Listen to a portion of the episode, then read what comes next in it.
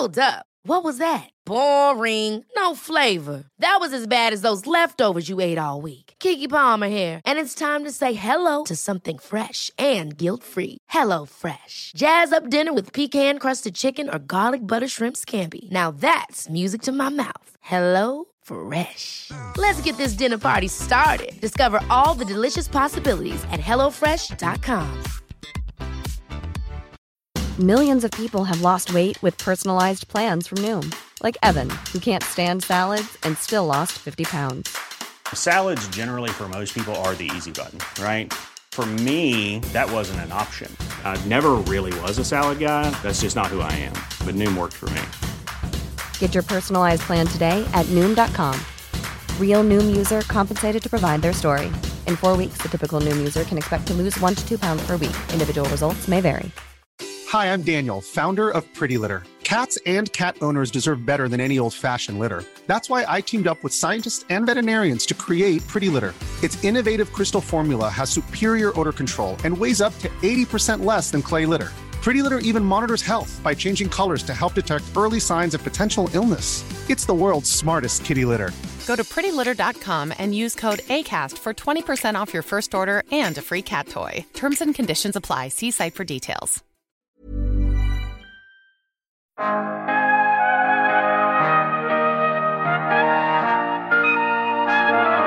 Saab liksom finns ju till lite grann. Vår vision är ju att, att vi ska bidra till säkrare samhällen och att människor ska kunna känna sig säkra. Och tyvärr har det då visat sig att det där har blivit mer viktigt och påtagligt än, än vad många av oss hade trott och hoppats i och med eh, det pågående kriget i Ukraina. Då. Och det där gör ju att hela Europa har tvingats att öka sina försvarsutgifter ganska kraftfullt.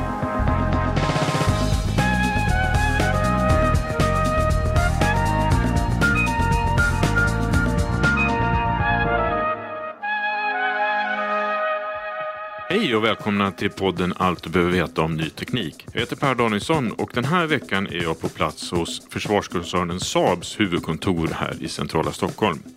Veckans gäst, Petter Bedouar, CTO eller teknikchef på Saab, har med stolthet och engagemang visat runt mig här i Saabs showroom där företagets olika affärsenheter finns representerade. Det är modeller och bilder på ubåtar, stridsflygplan, granatgevär, pansarskott, övervakningssystem, ledningssystem och sensorer som visas upp. Och det här är faktiskt andra gången som Petter Bedouar gästar podden. Första gången var i november 2020. Vi kommer få höra att det råder högtryck inom hela Saab just nu och mycket beror på att Ryssland har invaderat Ukraina. Intresset för företagets produkter har ökat dramatiskt sedan invasionen. Och vad innebär det här egentligen för Saabs verksamhet inom forskning och utveckling med 8500 anställda? Ett område där Peter Bedouar är chef. Hej Petter, välkommen till podden. Tack så jättemycket. Det är ju andra gången som du besöker Ny Tekniks podd. Du tillhör en exklusiv skara. Det förra avsnittet spelades ju in eh, under pandemin eh, och blev väldigt vällyssnat och stort intresse för det ni håller på med. Eh, och nu är vi väldigt nyfikna på vad som har hänt sedan sist hos Saab och vi, vi kanske ska börja där. Hur, hur mår er FoU-verksamhet som du är chef över? Vår FoU-verksamhet mår väldigt bra. Vi har väldigt högt tryck i verksamheten och Eh, vidmakthåller den här platsen som en av, av Sveriges absolut största eh, vad heter, arbetsgivare för ingenjörer. Då. Och det, det, nej, det, det är bra tryck i verksamheten. Ja, 8500 anställda inom er FoU-verksamhet här i Sverige. Det är bara Ericsson då med cirka 10 000 i Sverige som är större. Finns det någonting som tyder på att ni skulle bli etta inom något år eller två eller tre? Med den utveckling vi ser nu med tillgången till personal och sånt så, så eh, tror jag inte att vi kommer ta några enorma kliv framåt och vi har väl inte heller sett eh, någon, någonting att Ericsson helt plötsligt skulle tappa. Så att det, här, det här är nog för oss en, en ganska rimlig storlek. Sen håller vi på och växer kontinuerligt men, men jag ser ju inte att vi kommer göra några, ta några jättestora kliv på kort sikt i alla fall. Om man tittar då på Behovet av kompetens tycks vara konstant men svårare jämfört med i fjol och året innan att hitta rätt personal.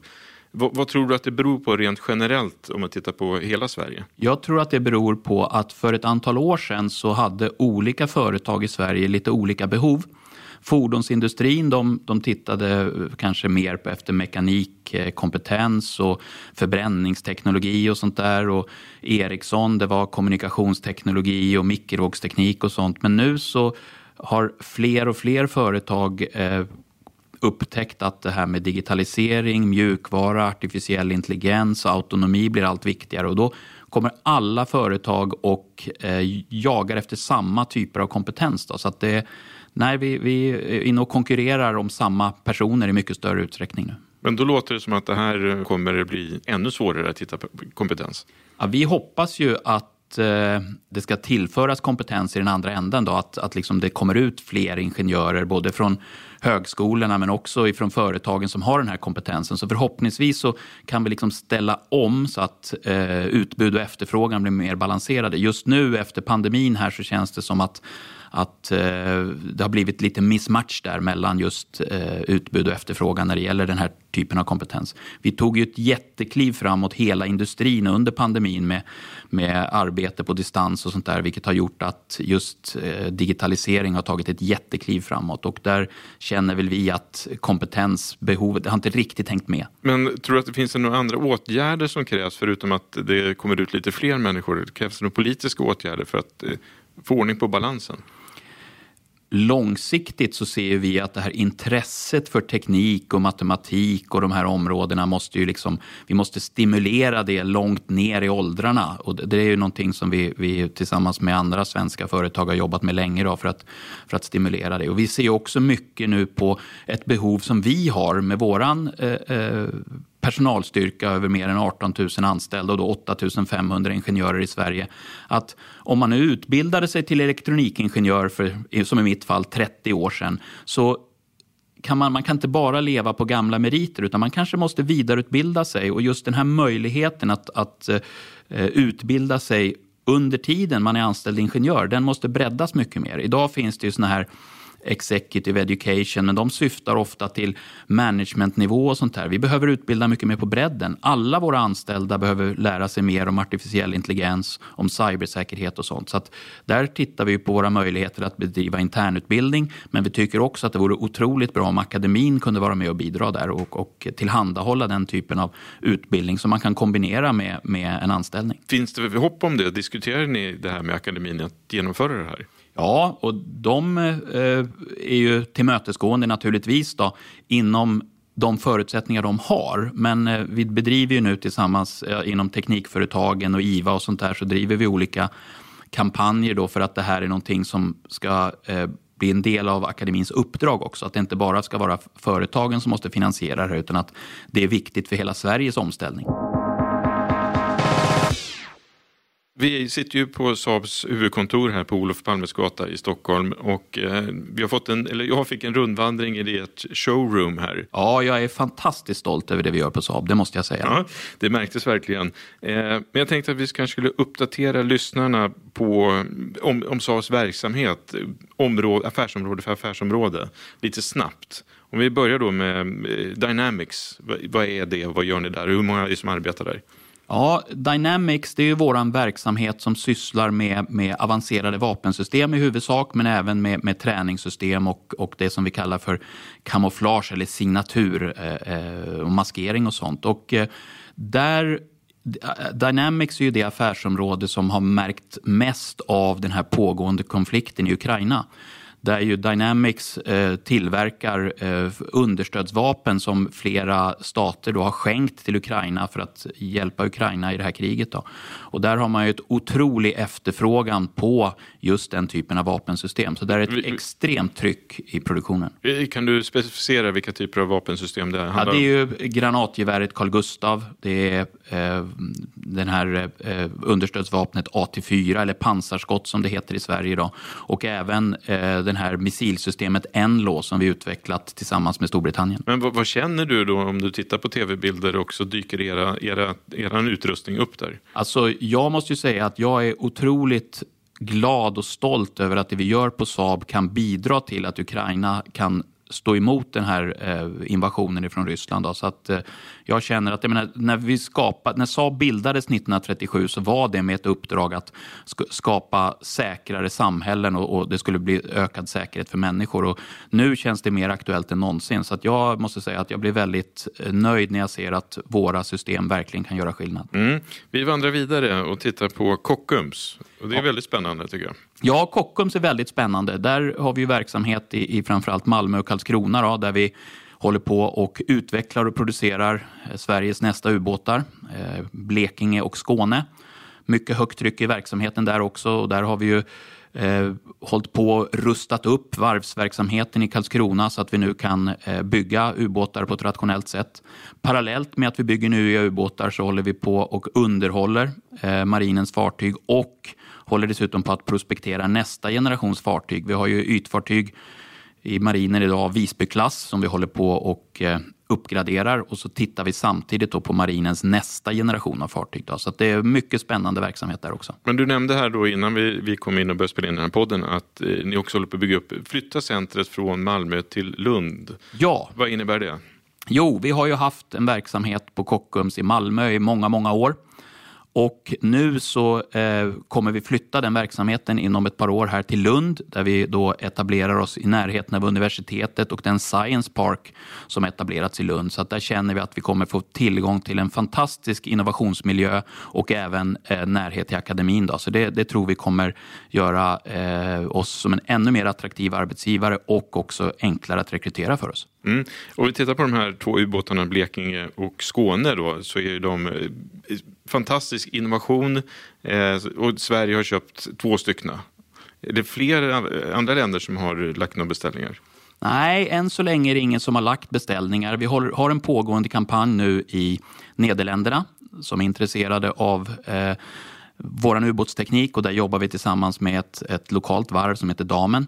Och och eh, i Australien så har man ju ändrat sin upphandling av ubåtar nu så att istället för att köpa ubåtar från eh, franska Naval Group som man hade tänkt så har man nu beslutat sig för ett mer långsiktigt program med, med atomdrivna ubåtar. Och det gör att de ubåtar som Kockums designade åt eh, Australien för ett antal år sedan förmodligen kommer behöva uppgraderas och livstidsförlängas. Så att där är vi väldigt aktiva då med att se hur vi kan bidra, vi som har designat ubåtarna från början, till den uppgraderingen. Men är Sverige bland, i, i topp i världen på att tillverka ubåtar? Sverige är absolut i topp i världen när det handlar om ubåtsteknik som passar i Östersjön. Sen är vi också bra på att göra generella ubåtar och så vidare. Det var därför som vi fick förtroendet att tillverka ubåtarna eller utveckla dem som används i Australien. Då. Men, men där vi är absolut världsklass, det är ju på de speciella förhållanden som gäller i, i Östersjön. Då. Vi hoppar vidare till surveillance eller övervakning. Då. Vad, vad händer inom det området? Vad gör ni där? Ja, där håller vi på och utvecklar nästa generations radarsystem.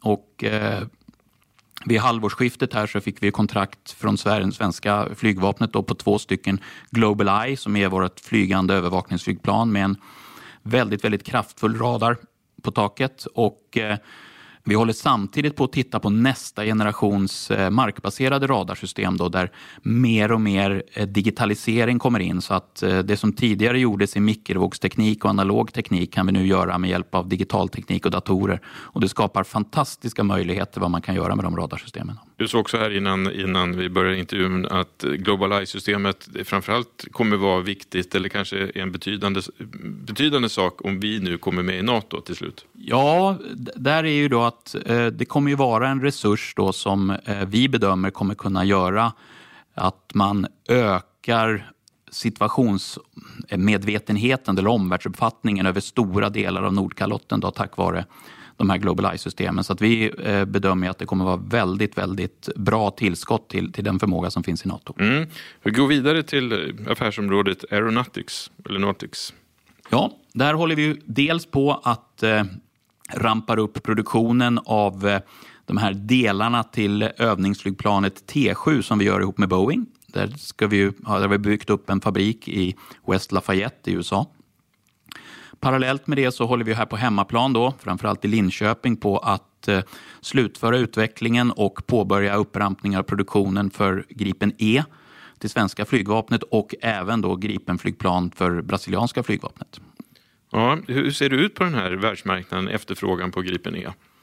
Ja, vi, har ju, eh, vi lyckades ju inte vinna i Finland och tyvärr inte heller i Kanada. Men som teknikchef på Saab så är jag övertygad om att Gripen är ett av de mest avancerade och kapabla stridsflygplanen som finns i världen idag. Sen är det många andra saker som spelar in i valet av ett stridsflygplan för en nation. Då. Men när det gäller produkten som sådan så är jag övertygad om att den är verkligen en av de bästa som finns på marknaden. Ja, en annan sidosak var ju att häromdagen så gick ni in som delägare i det svenska elflygplanstillverkaren Heart Aerospace. Eller, nu ska de ju inte bara ett el, helt eldrivet flygplan. Kan du kommentera den investeringen? Ja, det där är ju naturligtvis så att när det gäller satsningarna på hållbart flyg framöver så är det väldigt viktigt. Eh, på Saab eh, som inte längre håller på eh, som nytillverkare av civilt flyg. Vi har ju fortfarande Saab 2000 och Saab 340 i drift. Då, men vi tycker att det är viktigt att, att man kan gå mot hållbart flyg. Och när det gäller militärt flyg så, så var jag faktiskt i veckan nu med och invigde ett jetmotorlabb på Trafikflygarhögskolan som hör till Lunds tekniska högskola. Där vi Saab tillsammans med Lunds universitet och ska titta på hur man kan utveckla miljöbränslen för jetflyg framöver så att våra militära flyg som kanske inte, eh, åtminstone inte på kort sikt, är lämpliga för eldrift, att vi ändå kan fortsätta med och, göra det på ett sätt som, som eh, lever upp till de förväntningarna på, på eh, koldioxidneutralitet och sånt som, som behövs. Då. Så det är väldigt, väldigt intressant för oss. Och Heart Aerospace är ju en väldigt spännande teknikutveckling då inom just det här med hållbart flyg. Så att vi är väldigt intresserade av att utveckla eh, den verksamheten tillsammans med dem och, och, få ta del av det. Spännande. Man måste nästan säga att er verksamhet och efterfrågan på era produkter liksom har det har ökat ganska dramatiskt sedan Rysslands invasion i Ukraina. Eh, hur, på vilket sätt kan du, kan du beskriva det, hur, den efterfrågan ökat? Och intresset kring era produkter? Ja, som jag sa så, så Saab liksom finns ju till lite grann. Vår vision är ju att, att vi ska bidra till säkrare samhällen och att människor ska kunna känna sig säkra. Och, och tyvärr har det visat sig att det där har blivit mer viktigt och påtagligt än, än vad många av oss hade trott och hoppats i och med eh, det pågående kriget i Ukraina. Då. Och det där gör ju att hela Europa har eh, tvingats att öka sina försvarsutgifter ganska kraftfullt. Sverige och Finland har beslutat sig att ansöka om NATO-medlemskap och man, man eh, har också ansatt att man ska öka sina försvarsinvesteringar kraftigt. Och det resulterar naturligtvis i att det blir mycket mer efterfrågan även på våra produkter. Då.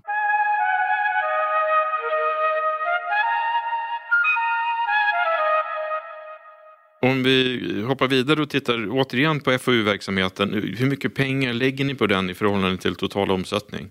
Ja, förra året så investerade vi eh, 7 miljarder i FoU. Det motsvarar eh, 18 procent av vår omsättning. Och det inkluderar då även FoU som, som kommer i våra kundprojekt. Då. Men av våra egna pengar, de egen investering vi gör, då handlar det snarare om 5% eller drygt 2 miljarder. Så ni investerar med hjälp av kundernas pengar helt enkelt? Eller lägger det i forskning och utveckling? Ja, alltså när det gäller de här stora kontrakten som Gripen E och de här ubåtarna, då, Skåne och Blekinge, så är ju svenska försvarsmakten med och finansierar utvecklingen. Då. Och den sysselsätter ju också vår FoU-personal, så det räknar vi också som FoU. Men som sagt, 2 miljarder är ju det vi tar av liksom våra egna pengar och investerar i, i framtida utveckling. Då. Hur, har eh, samarbetet eller relationen till svenska försvarsmakten förändrats under det senaste året?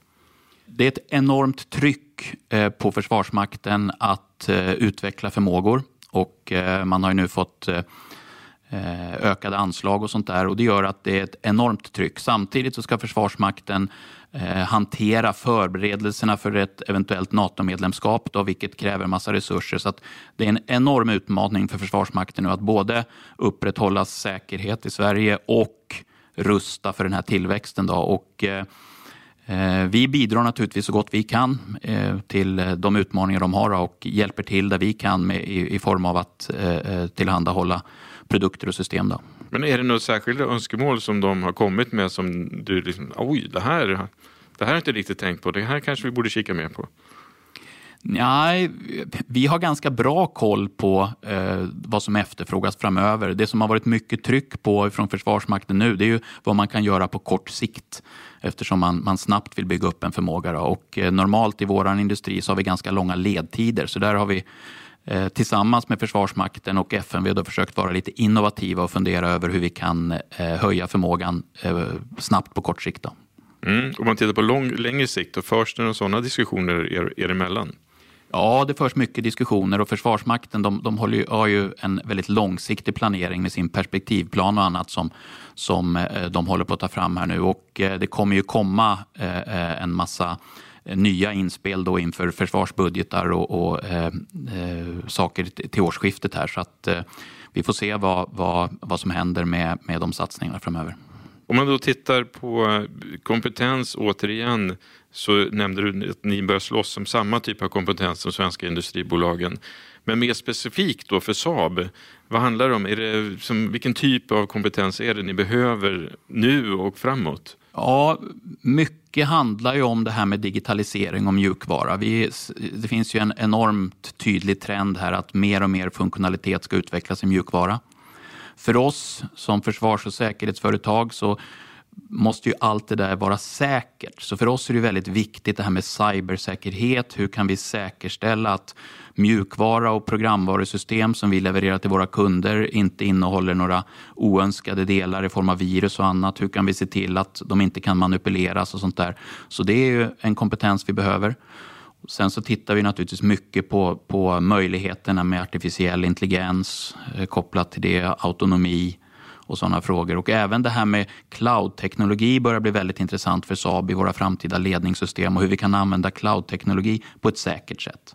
Men var det där så att ni håller på att bygga ett eget, eh, en e-, egen cloudtjänst, eller hur? Ja, vi har eh, byggt en egen cloudtjänst som vi vid närmare eftertanke har kommit fram till att vi, vi ska nog se till att vi använder den i våra interna system först så att vi inte är riktigt lika tydliga med, med, med att, eller inte lika eh, fokuserade på att sälja den externt nu utan nu använder vi den mest som ett säkert sätt att, att eh, kapsla in våra egna, egna mjukvarusystem då, i, i till exempel ubåtar och, och, och, flygplan. Ja, du nämnde AI här alldeles nyss eh, som är ett område som många pratar om, många säger att de vill investera i. Men hur lätt är det egentligen? Ja, det här med AI är ju både lätt och svårt. För jag menar, det är ju ingenting nytt med AI egentligen. Det har ju funnits väldigt länge men på senare tid så har man ju kunnat bygga så mycket mer kraftfulla AI-system. Och det är ju någonting som, som vi tittar mycket på hur det kan eh, eh komma till nytta för våra kunder. Så det, det är liksom vår utmaning just nu att titta på all den här nya teknologin som flödar in som jag nämnde och se hur kan vi snabbt omvandla det till någonting som kommer till nytta för våra kunder och inte bara blir eh, tekniskt intressanta eh, forskningsområden. Men känner du att de här eh, förändringarna i världen och eh, med kriget i Ukraina, att det har blivit mer, mer attraktivt att jobba hos Saab? Ja, det är ju väldigt tydligt att eh, det finns ett mycket, mycket större intresse än tidigare att jobba på Saab. Ingenjörer som kanske jobbar i andra branscher eller kommer ifrån, direkt ifrån från högskolan och annat som liksom upptäcker att på Saab kan man vara med och verkligen göra skillnad. Eh, det, det, handlar inte bara om liksom att, att, utveckla spännande saker utan man kan faktiskt bidra till det här med samhällssäkerhet och trygghet. Och många känner att det är ett extra värde och att det, liksom, nej, det finns mycket större intresse. Så att på så vis så har ju eh, intresset för våran typ av verksamhet eh, ökat ganska kraftigt. Sen beror ju det tyvärr på att det är större otrygghet i världen men det är sådana saker som, som ja, det är tråkigt men, men eh, vi, vi försöker göra det vi kan och våra, fullfölja vår mission då att göra samhällen och människor säkrare. Eh, om man tittar, och jag pratar runt lite grann med andra industribolag, så är, de hämtar ju mer och mer kompetens och personal från utlandet. Man rekryterar in helt enkelt från andra länder. Är det aktuellt för Saab eller gör ni också det? Så vi, våran verksamhet så är det ju väldigt många av våra tjänster och befattningar kräver ju en säkerhetsklassning. Och det är inte vi som har hittat på det utan det är ju FMV och Försvarsmakten som har gjort. Så att vi har vissa begränsningar när det gäller möjligheten att rekrytera från utlandet. Vi har tjänster där det går bra men det finns också många tjänster där det inte fungerar. Sen har vi också verksamhet i vissa länder. Vi har i Storbritannien, USA, Australien och, och nu håller vi på att bygga upp en verksamhet i Tyskland. Och där rekryterar vi naturligtvis eh, personer lokalt eh, ifrån de länderna. Då. Men vi har inte som andra industrier en mycket bredare rekryteringsbas där vi liksom kan, kan använda hela världsmarknaden av ingenjörer för, för att rekrytera personal till Sverige. Det har vi inte. Hur känns det då? Ja, det är naturligtvis en, eh, en komplikation men samtidigt så är det, det någonting som som vi har vant oss vid. Jag har jobbat på Saab i snart 30 år och det, är liksom, så det, det, är liksom en av de förutsättningar vi, vi har att förhålla oss till helt enkelt. Eh, du var inne och pratade lite grann om hållbarhetsfrågan och hur ni arbetar med hållbarhet. Men hur pass viktigt är det? Hur mycket arbetar ni med det när ni utvecklar era produkter här framöver? Vi eh, signade upp till Race to Zero här eh, förra året och håller nu på att ta fram sådana här science-based targets för att vi ska klara av våra åtaganden när det gäller eh, eh, reduktioner av eh, koldioxidutsläpp fram till 2030 och neutralitet 2050.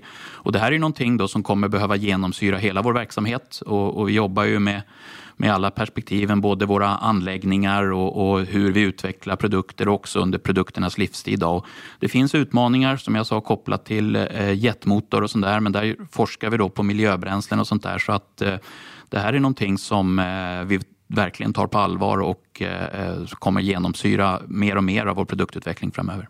Om du skulle vandra runt, om du skulle samla hela din eh, forsknings och utvecklingsverksamhet i ett stort man kan säga, hangarbyggnad, om det går. Eh, om du skulle gå runt där och titta på allting som ni håller på med, om du skulle plocka ut era, dina tre mest spännande saker, vad skulle du välja då? Då skulle jag välja Eh, Eh, den här satsningen vi gör nu på digitalteknik kopplat till radarantenner och, och, och radar. Det är fantastiskt vad vi eh, kan åstadkomma där. Jag skulle ta med de eh, satsningar vi gör på att använda artificiell intelligens för att analysera sensordata och liksom kunna eh, hantera väldigt, väldigt stora mängder av information på ett sätt som blir begripligt för eh, operatörerna. Och sen skulle jag också ta eh, de spännande satsningar som vi gör när det gäller att vidareutveckla den här speciella ubåtstekniken som vi har för att ta fram tysta ubåtar med Stirlingmotorn och den forskning som vi gör där för att hitta eh, både miljövänliga och tysta sätt att driva ubåtar framöver. Det är ett fantastiskt spännande område. Ja, vi fortsätter. Vi är kvar i den här hangarhallen då. Dina tre är som så här, vänta, de här tre projekten eller det här håller på, det här borde vi inte hålla på med. Ja, det är ju en känslig fråga naturligtvis. Men det finns ju, vi, vi, har ju som sagt bestämt oss för att fokusera på fem stycken kärnområden. Och det finns saker vi håller på med idag som inte riktigt passar in i de kärnområdena. Och där försöker vi se nu om vi kan hitta en bättre hemvist för dem, där de kan få vara ett kärnområde och, och där de kan få en ägare som är beredd att investera. Och vilka är det då? Nej, det vill jag inte nämna så här, Nej. utan det, det, får vi ta som en intern diskussion först. Det kanske kommer något pressmeddelande på det sen då? Det kan det göra. Du, vi börjar närma oss slutet på den här intervjun och jag tänkte bara höra med dig om du återkommer för tredje gången, typ om ett år eller ett och ett halvt år. Vad kommer du berätta då tror du? Då kommer jag berätta om hur framgångsrika vi har varit att just implementera de här nya teknologiområdena som jag pratade om när det gäller cyber och artificiell intelligens och molnteknik och cloud och sånt där. Hur vi har lyckats omsätta det till produkter som gör nytta och till för värde hos våra kunder. Det kommer jag kunna berätta om då och det kommer jag vara ännu stoltare. Låter bra. Vi ser fram emot att ha dig tillbaka i podden då om ett och ett halvt år, kanske ett år till och med. Det gör jag också. Tack. Ja, stort tack.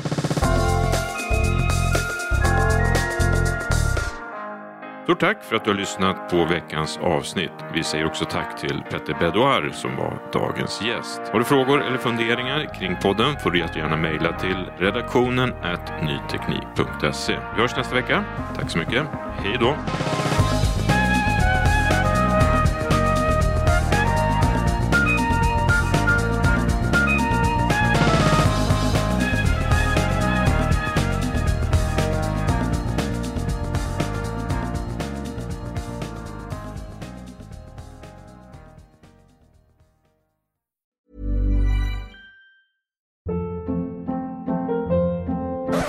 Up. What was that? Boring. No flavor. That was as bad as those leftovers you ate all week. Kiki Palmer here, and it's time to say hello to something fresh and guilt-free. Hello Fresh. Jazz up dinner with pecan-crusted chicken or garlic butter shrimp scampi. Now that's music to my mouth. Hello Fresh. Let's get this dinner party started. Discover all the delicious possibilities at hellofresh.com.